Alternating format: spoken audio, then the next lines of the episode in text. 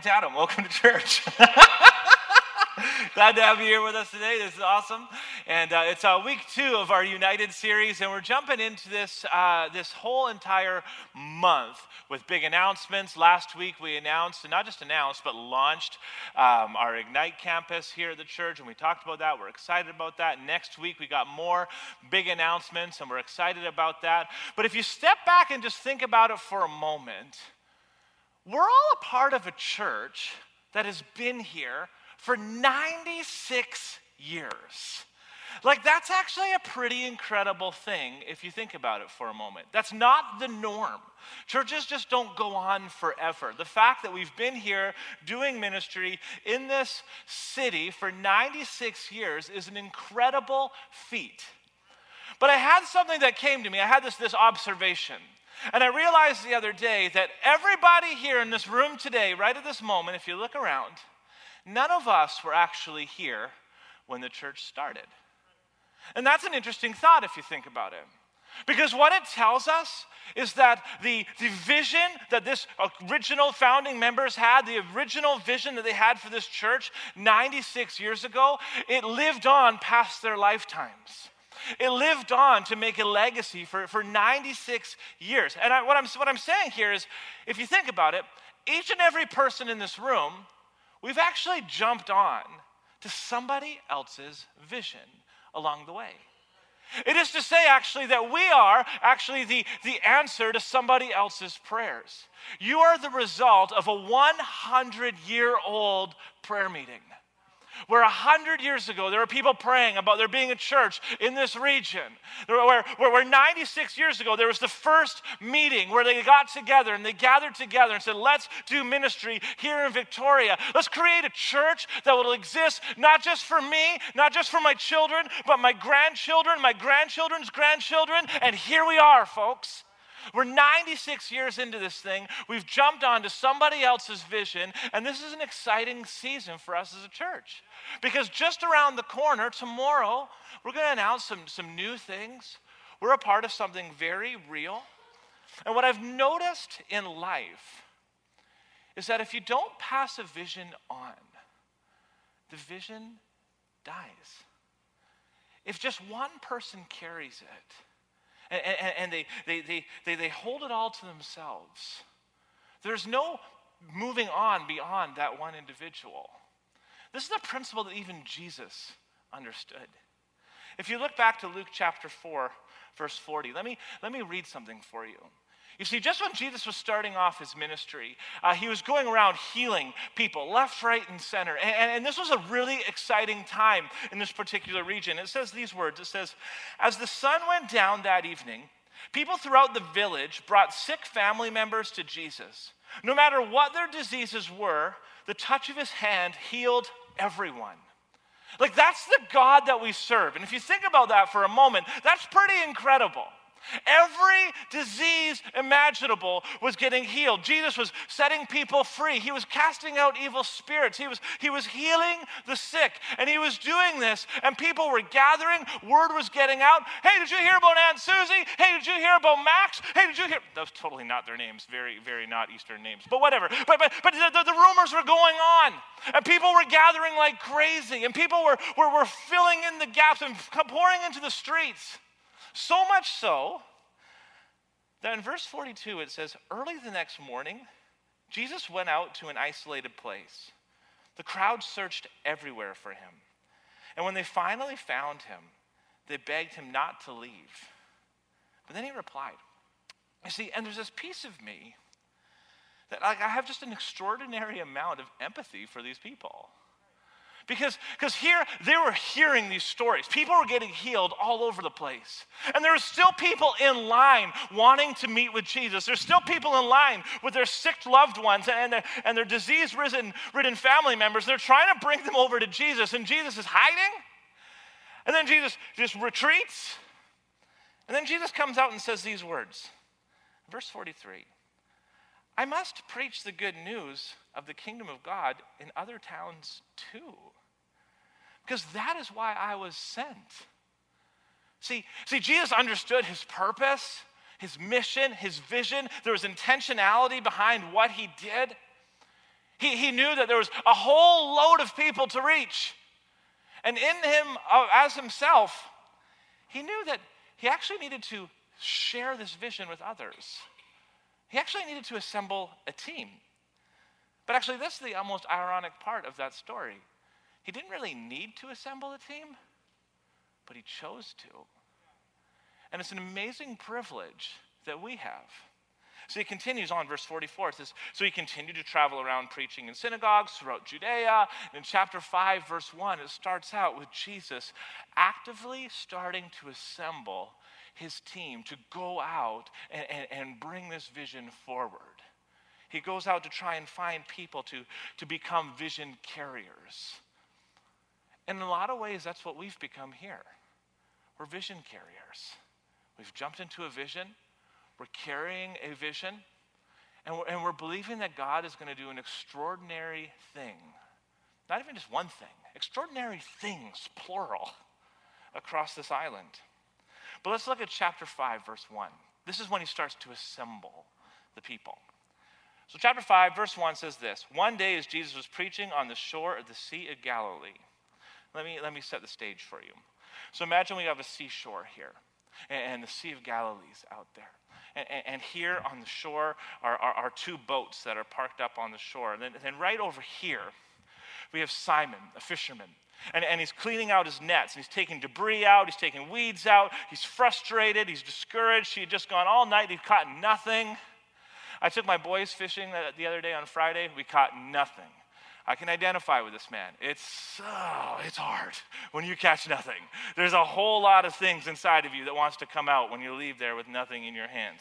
And, and so here is here is Simon. He's going through his nets and he's frustrated. He's discouraged. Then in walks Jesus of all people starts walking along the beach. And not only is Jesus there, but he's there with a whole crowd of people walking alongside of him as, as Simon is moping over there with his, with his nets and as this scene takes place. Let me continue.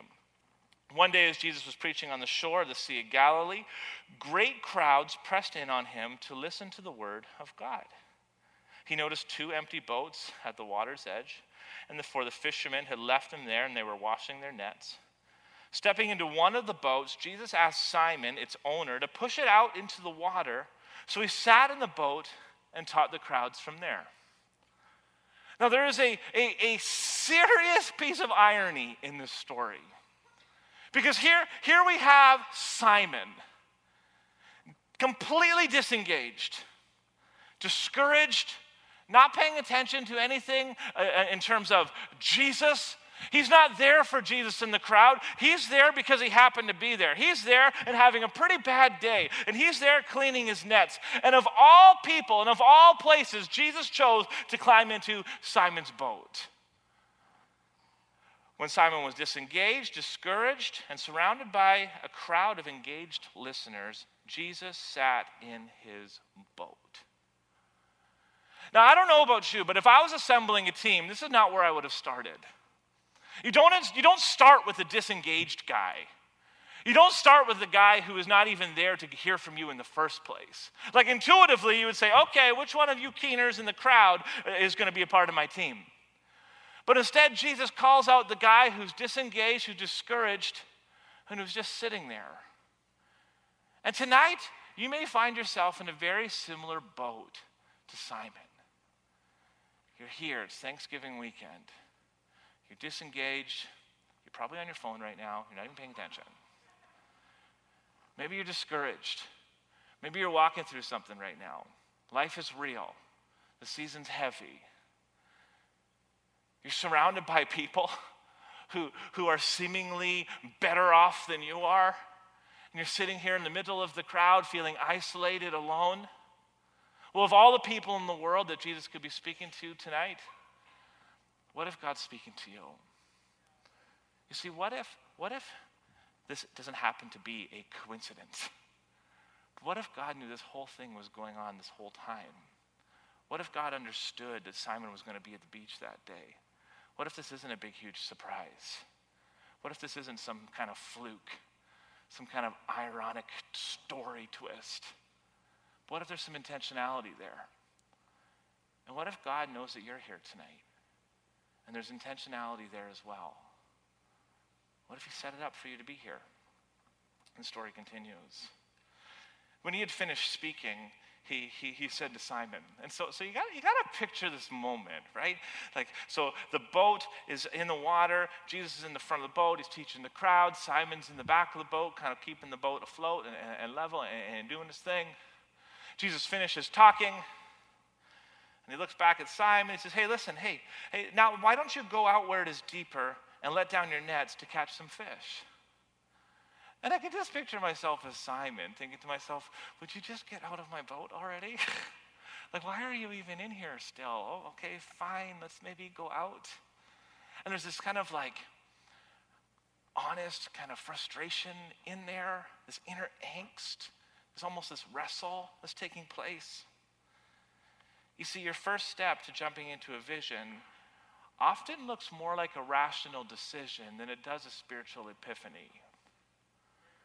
And that's an interesting thought because it's, it's, it's, counterintuitive. Oftentimes, we go through life waiting for these very mystical, very super spiritual, very, very perfect moments. And what if we, what if in it, what if accidentally we end up missing the boat? What if we accidentally recognize that Jesus, what if we don't even realize that Jesus is in our boat for the first place?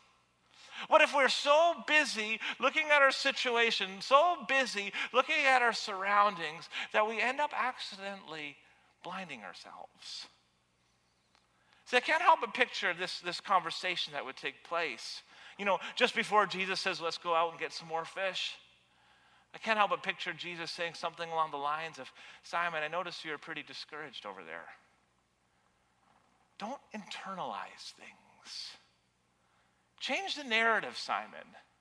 Like, like you're, you're not a bad fisherman. There, there are fish in the sea. Okay? Stop, stop becoming the victim. Let's, let's just go out deeper. Let's go catch some fish. We'll go out a little bit deeper. What do you say? And maybe there's people here this morning or this evening, and God's saying the same kind of thing. I noticed you looked a little discouraged tonight. Don't, don't internalize things. Change the narrative. You're not a bad person. It's not that there's no places for you to serve in the church. Try talking the next steps. Try stepping out of your comfort zone. Your, your, your, your, your pathway to freedom may be a lot more intuitive than you thought. Verse 5. Master, Simon replies. Uh, we worked hard all night and, and, and, didn't catch a thing. And it's as if as though he's kind of saying to himself, like, listen, Jesus, I'm a fisherman, you're a carpenter, so uh, lay off. you know, like, like, like I know what this feels like right now. But then he says something that kind of changes the script. He says, Masters, we worked hard all night and didn't catch a thing. But if you say so, I'll let the nets down again. See, we don't typically think like that. But when jumping into the vision, it's important to realize that you can be both skeptical and obedient at the same time. And that's an important piece of the, story. I mean, if I look back at the scriptures and I look at the Second Corinthians chapter 5, verse 7, it says, we walk by faith and not by sight. Like, what do you think that actually looks like? What that looks like is your, your worldview is being violated. The way you understood life, reality, yourself, your position, things around you, the way you understood the system is getting violated. And when that system gets violated, you're going to feel skeptical as you get introduced to a new system of thinking, a new worldview. So, this idea of skepticism actually isn't bad when you pair it with obedience. Because God understands how you work. God understands human nature. God understands that we feel most comfortable when we can control all of the variables. When we understand everything that's going on, we feel at our best. And God knows that about us. But this whole idea of walking by faith, not by sight, means that we're going to have some tension. And I'm so thankful that we serve in a church that has learned how to wrestle with this tension through the years. Because I'll tell you this much 96 years ago, the church didn't look anything like this. Right? 96 years ago, at some point throughout our journey, I'm sure somebody came up and said, Hey, listen, painting the whole stage black, I'm not sure that's a great idea, but I'll trust you. Hey, listen, spending all the money on this technology, I'm not sure that's the best use of our funds. I'm skeptical on this, but I'll trust you. You know, you know, church planting. I mean, we have a big facility. Why not have everybody just gather here? But you want to go out and reach the island and reach different communities and plant churches there? I don't know about that. I'm skeptical, but I'll trust you. And it's that level of faith that makes things move. See, we can't control everything all the time. There's this element of just trusting things to God. And we see this modeled in Simon there. I'm a fisherman. I get paid to do what I do. I mean, I am literally called a fisherman. I'm the professional here, not you, Jesus. You're the spiritual leader. And I can tell you, Jesus, that this is not going to work because I was just out there all night last night. I'm not sure about this new tactic of yours, but I'll trust you. We'll see what you got. I'll put out into deeper waters and we'll see if this is going to happen. And God moves. You see, there's this level of uncomfortability that we need to begin to get comfortable with if we're going to walk the Christian walk. So, what happens? It says this, this time, verse 6, and this time their nets were so full of fish that they began to tear. A shout for help brought their partners in the other boat, and soon both boats were filled with fish and on the verge of sinking. In other words, jumping into the vision doesn't only benefit you, it actually benefits others as well. And we've done such a good job as a, as, a, as a church, kind of like the church, global church, of emphasizing our need for a personal relationship with Jesus. So much so that we forgot that our personal relationship with Jesus should also have public effects on other people as well. It's not meant to be this private thing between me and God and me and God alone. And this is so modeled for us, just so clearly here with Jesus and Simon in the boat. Because this story could have gone much differently. The story could have looked like this. Okay, I let my nets down. Okay, the fish are coming. Okay, my nets are beginning to tear. Okay, I'm going to put all the fish inside my boat. Hey, Jesus, do you see how good of a job you're doing at getting us fish? Make the boat stronger now. Make the boat walls come up. Make it so that we can have a larger capacity to hold more fish. Make this thing float. That way, you and me can, can have this whole thing to ourselves. That's not what takes place. Instead, what takes place? The boat starts filling, so much so that the boat starts sinking. And instead of Simon turning around and saying, Jesus, we're going down, Simon looks out at his friends and says, Friends, come on in. Come over here. See what God is doing? He's doing this in my life and he's going to do this in yours too. Like look at look at this. Look at how much blessing there is. Look at how much fish there is. Look at all this stuff that Jesus has provided. Look how real this guy in my boat is. Check this out. And this begins to impact not just Simon, but begins to impact others as well. And it's an extraordinary piece of the story. But then what happens next? Is almost, is almost, it's almost unpredictable. Because you see what takes place here in verse 8. When Simon Peter realized what had just happened, he fell to his knees before Jesus and said, Oh Lord, please leave me. I'm such a sinful man. And, and, and I, I, just, when I read those words like that, I'm not sure that, that would be my first go to response.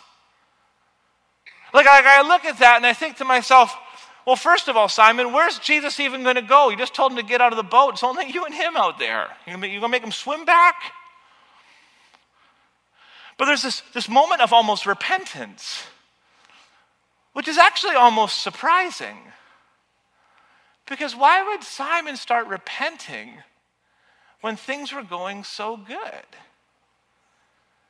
It's because all of a sudden Simon realized that he's not the one that caught the fish, it's Jesus. That Jesus isn't just this theoretical spiritual guru. But when Jesus says things, things happen. When Jesus leads you, he, he, he follows, like he, he guides you, he walks with you. He doesn't just send you out to struggle on your own, but when he tells you to go into deeper water, he provides. And there's this moment where Simon, just, just face to face with Jesus, breaks down. Because jumping into the vision causes you to reevaluate your personal motives and agenda. You see, Simon could have gone home and told the most amazing fishing story ever. Simon, in fact, could have turned this whole thing around and started quite the fishing charter business. He say, Have you ever caught so many fish that not only your boat began to sink, but your friend's boat began to sink? Come, let me take you out, and you will be a wealthy man. You are going to love life because I am the fishing guru. He could have gone that way, but he realized that's not how this works. That's not what just happened. Jesus touched my life, and everything changed.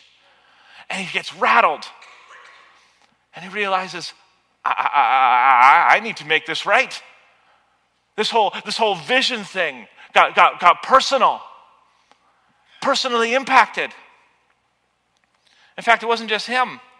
Verse 9, he was awestruck by the number of fish they had caught, as were the other fishermen, or as were uh, the others with him. His partners, James and John, the sons of Zebedee, were also amazed.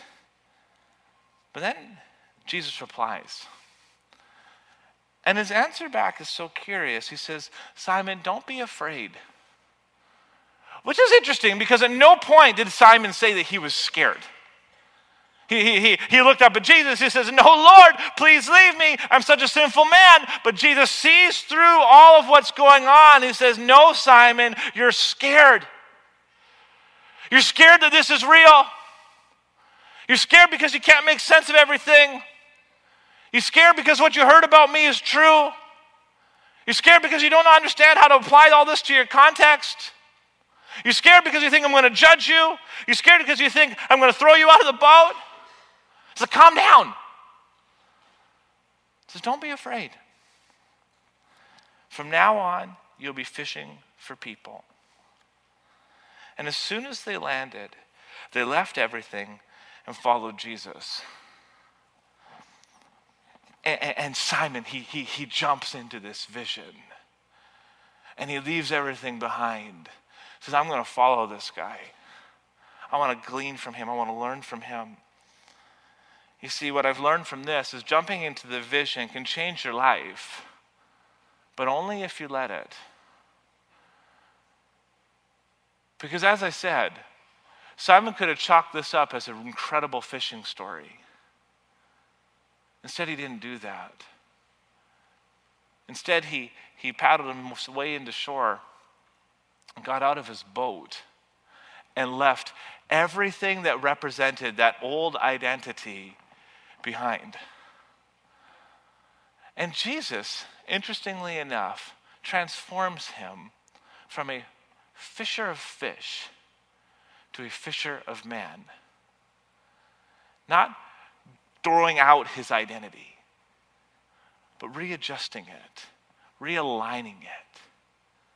And I feel like that's a lot of what God wants to do tonight, too, in some of your hearts and some of your lives. There's a piece of you that's panicking a little bit. It's like, oh man, to follow Jesus, I gotta, I gotta get rid of everything. The truth is, yeah.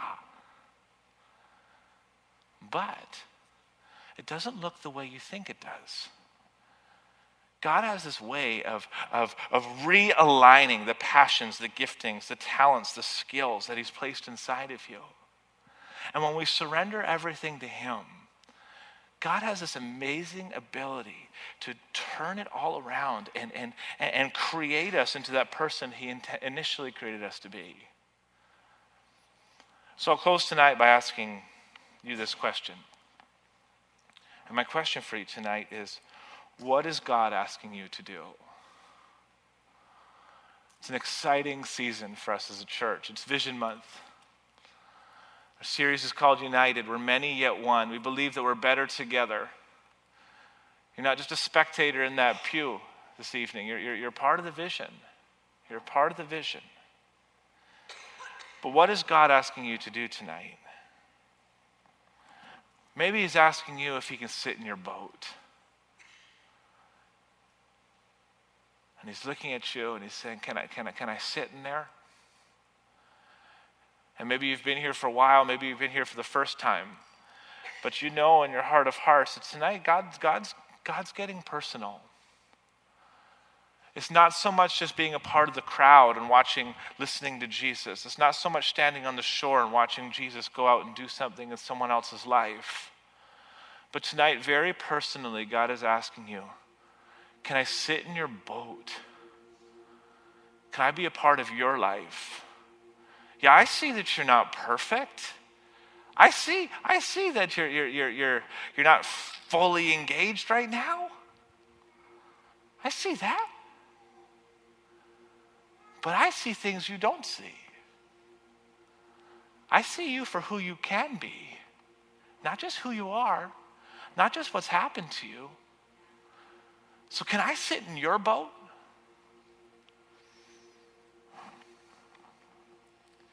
For some of you tonight, I think God's asking you to push off from shore.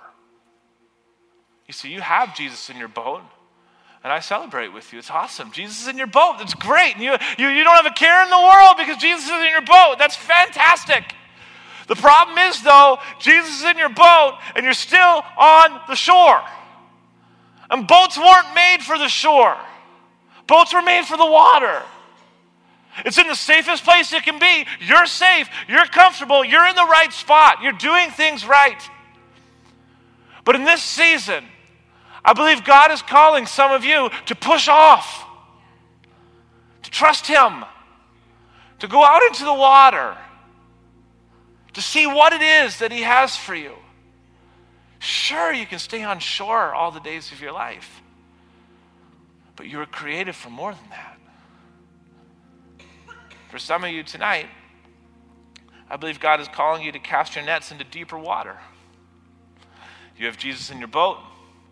You know enough to push off from shore, but you're floating in the bay and you're safe and you've just been kind of going with the motions for a while. You've been doing great things. You've been doing everything that the boat was built for. Like you're in the right spot. Don't feel ashamed. But I believe God wants to touch you tonight. God wants to speak to you tonight. And I believe that in this next season, God is calling you out into deeper water. He's saying, Son, daughter, I built you for more. There's more capacity in you. There's more life in you. There's more leadership in you. There's more gifts in you. There's more, there's more potential in you. Don't settle for the bay. Go out into the water. And He's not sending you by yourself, so don't panic. He's with you the whole time. That's the most interesting thing about this story. is Jesus travels with you. So you don't need to be afraid. Some of you may need to call some friends for help. God's noticed that you've done a great job in the boat. You and him are really tight, really great. But even Simon, when all those fish were coming, he called out to other people for help, not to just to Jesus. And I think there's something there in that text. You're not meant to be alone. There's a reason why God's rescue plan for humanity is the local church, is people, not just a individual. He wants you to be in community. Maybe you need to sign up for a small group. Maybe you need to be, take some intentional steps to get connected here at the church. Maybe it's Grow Track to, to, to come and find out different ways that you can serve. Maybe it's the welcome party. Because eh, I can tell you right now, Christianity is supposed to be about more than just sitting in a pew and watching, watching someone talk. It's meant to be about doing life with one another. I mean, Jesus was literally building a team of people, literally building a small group. Like, small groups are a thing. Get connected with people. Some of you, you may need to Some of you may need to repent tonight. Just like Simon in that boat. He saw, he saw Jesus work, he saw Jesus for real do something in his life.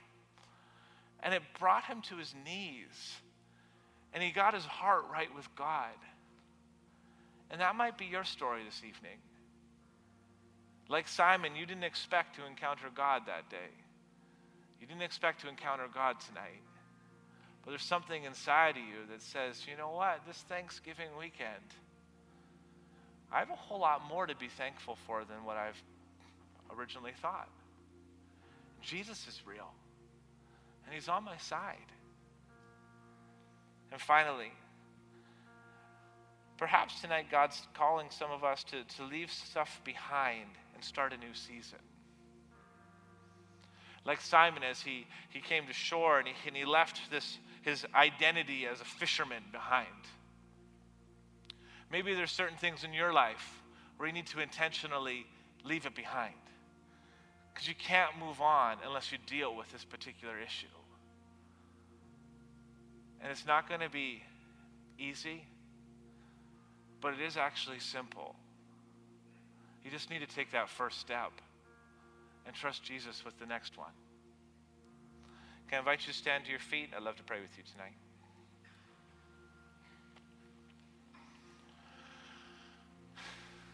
Let's maybe close our eyes and spend a moment with God together.